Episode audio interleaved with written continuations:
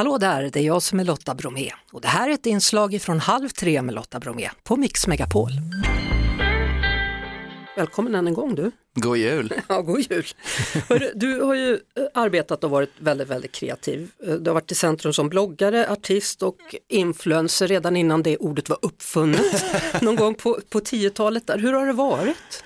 Eh, ja, men jag, började lägga, jag la upp mitt första sångklipp när jag var 15 och sen har det eskalerat genom åren. Så att nu få eh, leva i en livsstil där jag får göra allt jag älskar är väldigt fint. Ja, vad är det med här med influencer? Vad är det som gör att du tycker att nej, nej, nej, nej, kalla mig inte för det.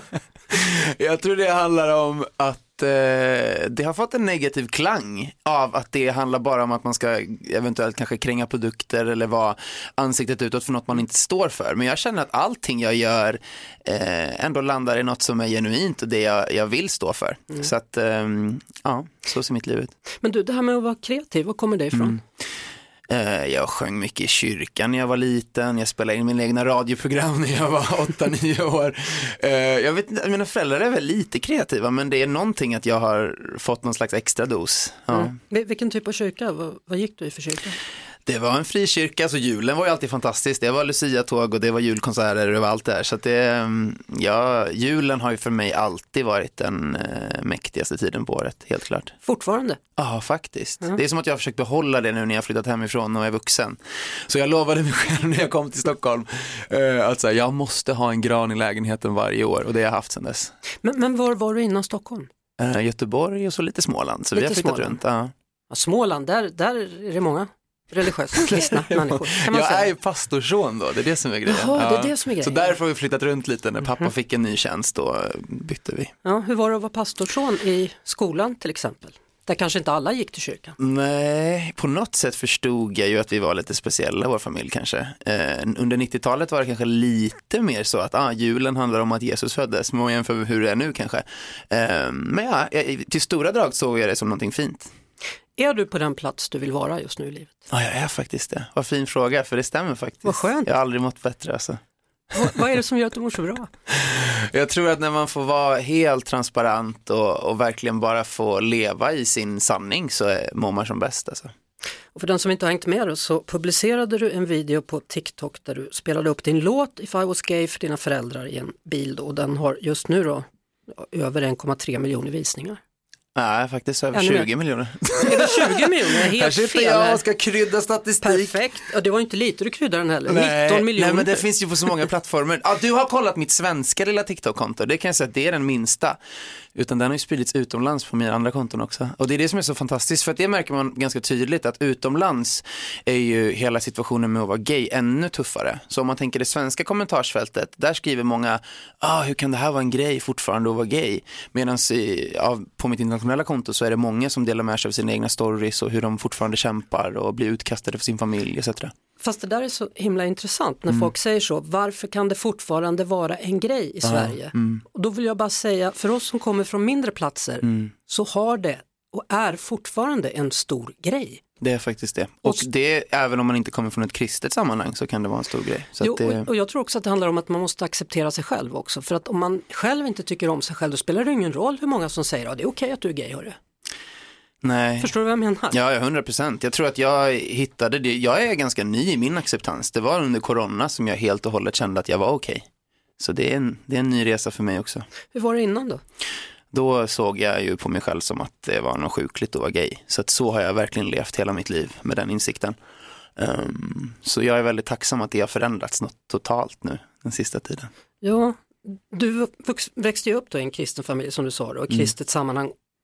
När kände du att du var gay då?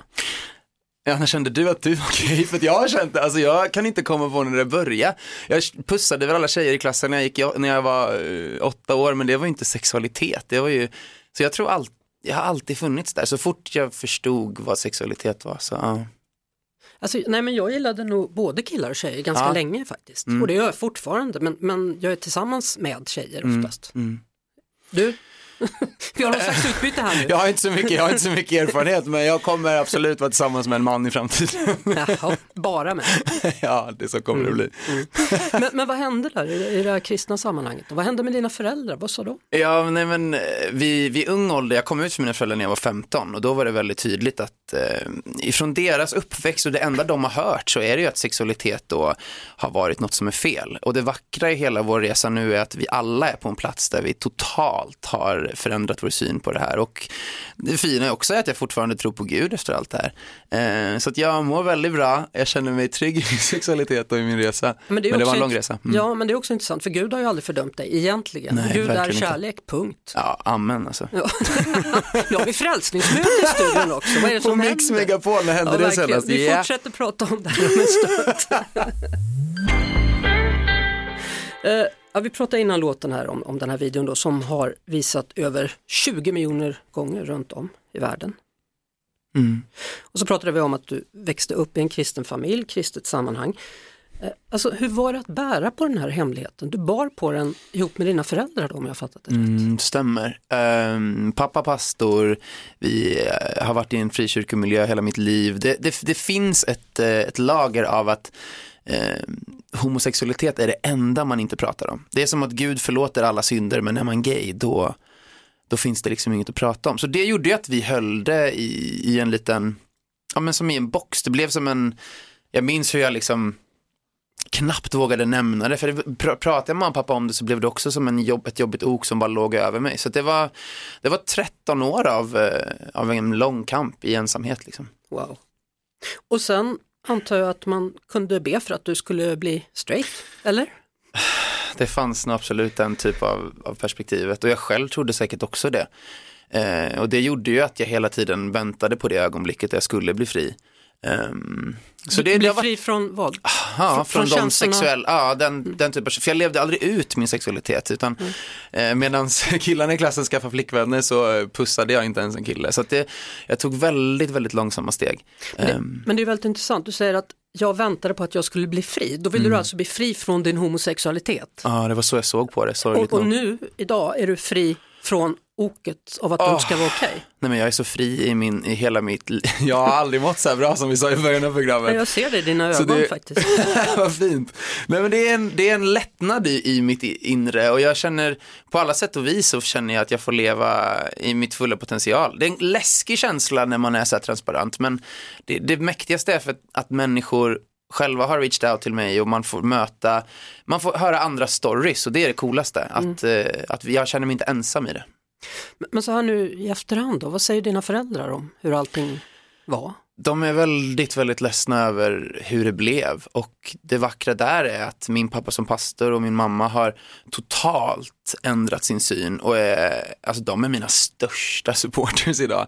Och det är så fint att se så att jag, är, jag är så stolt över att jag tror att de kommer få med och förändra en, en kultur som har varit väldigt präglad av, eh, av homofobi. Eh, så att jag är väldigt stolt över mina föräldrar. Ja, du, du har ju varit på konserter och sånt och sjungit i kyrkor och så vidare. Hur har det Mm. gått med det sen då, efter att du kom ut som gay? Är du fortfarande välkommen eller är det mer, nej han är lite konstig där. ja, jag tror att eh, absolut så är jag välkommen i olika kyrkor. Och det jag ser ty- tydligast nu är att, jag faktiskt, att det är en förändring som håller på att ske. Jag hoppas att den kommer gå ännu snabbare än vad det kanske sker. Men eh, jag, har, jag känner mer hopp än, än sorg över vad som har varit. Ehm, Men får du fortfarande stå längst fram på, på eh, liksom konsertaffischen för den där kristna konserten? Jag fattar, jag har inte, jag, jag, om man säger så här, jag har nog tagit en liten tid där jag bara fått bearbeta det jag varit med om och kanske inte känner att jag ska stå längst fram i kyrkan just nu. Eh, men eh, det gör jag väldigt gärna. Så att, eh, Och vill de ha det där då? Så småningom? det hoppas jag verkligen. Du, alltså, ja, vi måste sätta saker och ting i perspektiv. Det är alltså bara en månad sedan som du släppte den här låten. Ja, If I was gay skrevs för i princip en och en halv månad sedan, så varje del av den här resan har gått väldigt fort för mig. Så, så nu när du sitter här med mig så är du bara helt strålande för du känner att oj, hela jag får vara med i ett program här. Ja men jag får det och att vi båda är liksom queer i en studio det gör mig så lycklig så att jag, är så, jag blir så tagen av dig och din resa och du berättar så här gick det till när jag fick barn och jag, jag, jag tycker det är så mäktigt så att du är en inspiration för mig Lotta. Ja, tack så mycket. Men du, drömmer du om barn då? Jag drömmer verkligen om familj. Och jag har nog hela mitt liv tänkt att det finns inte ens på kartan. Och att då bara komma in här och se din livssituation och bara förstå att wow, det kommer bli så för mig också. Det gör mig väldigt, väldigt, väldigt tacksam. Men, men ändå så, jag, jag är så, vi pratade under låten här så sa du att du var så hård mot dig själv att du inte vågade smygtitta på saker som hade med homosexualitet att göra. Hur, hur menar du då? Nej men i min karaktär, det är någonting jag har lärt mig att den är väldigt stark. Bestämmer jag mig för någonting, då kan jag verkligen eh, leva i det helt helt hållet. Så att jag ehm, eh, ignorerade varenda homosexuell liksom, serie eller film eller bok. Alltså jag, ingenting fick komma nära. Jag lämnade stan så fort det var Pride. Jag hade liksom aldrig gått ett Pride-tåg. Eh, Så att bara få göra det i år var ju så mäktigt så att jag vet inte vad.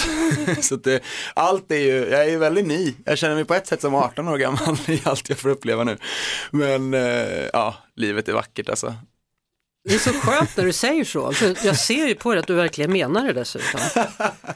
Va? Det stämmer. Ja. så känner jag. Jaha, kärleken var det då? då? Kärleken. Ja, hur var det med den nu då? Dejtar du någon? Nej men nu har jag faktiskt inte hunnit. Under corona så hade jag lite sådana här kallade coronadejter där man kunde ringa på Facetime. Så det, då, jag har liksom inte riktigt vågat göra det så mycket live än. Men eh, ja, vi får se. Vågar du göra det live då? Ja, det gör jag. Men det har inte varit tid riktigt nu. Nej, När är det tid då? Efter hur jul? brukar du, hur, tänk- har du tänkt med dating i ditt Alltså liv? jag liksom? tror, jag har ju fast förhållande, Ja, relation för Ja. många, många år. Ja. Mm. Men, eh, nej, Jag tycker, jag vet inte ens hur man swipar. ah, du har aldrig levt Nej, i den nej. tiden när man nej, kunde jag har swipa. haft relation innan det. så. Ah, fattar. Hur gör man det? Eh, Är det bra? Ja, det kanske är bra. Jag tror, Grindr, jag vet den inte. det? Ah, jag vet inte, de där apparna är svåra att hantera. Mm. Alltså. Jag önskar ju man kan träffa någon live och då får en känsla. Men eh, det kommer bli bra. Det, jag känner sånt lugn i det. När det väl sker så sker det. Ja, och den här gången kommer du inte åka ut ur stan så fort du träffar en flört. Nej, det kommer jag inte. Nej, du kommer inte ens vända bort ansiktet, du kommer flörta tillbaka. Fast jag märker att det är lite läskigt nu. Tänk så här, nu då när jag går på gatan och ser, som jag skulle gå förbi någon snubbe, då tittar jag ner i marken Nej, men istället. gör för att inte jag, det nu. Jo, men för att jag tänker, nu vet han att jag är gay. Du, jag hade inte vetat det om inte du hade sagt det. Ja, really though. Faktiskt. Nej, det hade jag inte. Kanske om jag hade umgåtts med dig en stund så Ja. kanske jag tänkt, ja, kanske Annika, ja, möjligt, ja. Det vet man vet ju inte. Nej, Hur vet, man det? Inte. Nej, exakt. Och det där känns också vackert att få vara med och ehm, jag vet inte, jag tycker det är viktigt att alla typer av människor i liksom queer-världen får synas. Så Mm. där är jag glad att jag får vara en av dem. Det får du. Mm. Tack så mycket för att du kom hit idag. Tack själv, kära Lotta. Och uh, sköt om dig och ha en jättefin jul nu då, Ja, Andreas. god jul. Ja, god jul det. Hej. Hej. Vi hörs såklart på Mix Megapol varje eftermiddag vid halv tre. Poddtips från Podplay. I podden Något Kaiko garanterar östgötarna Brutti och jag, Davva, dig en stor dos skratt. Där följer jag pladask för köttätandet igen. Man är lite som en jävla vampyr. Man har fått lite blodsmak och då måste man ha mer. Udda spaningar, fängslande anekdoter och en och annan arg rant. Jag måste ha mitt kaffe på morgonen för annars är jag ingen trevlig människa. Då är du ingen trevlig människa, punkt. Något Kaiko, hör du på Podplay. Därför är gardinerna.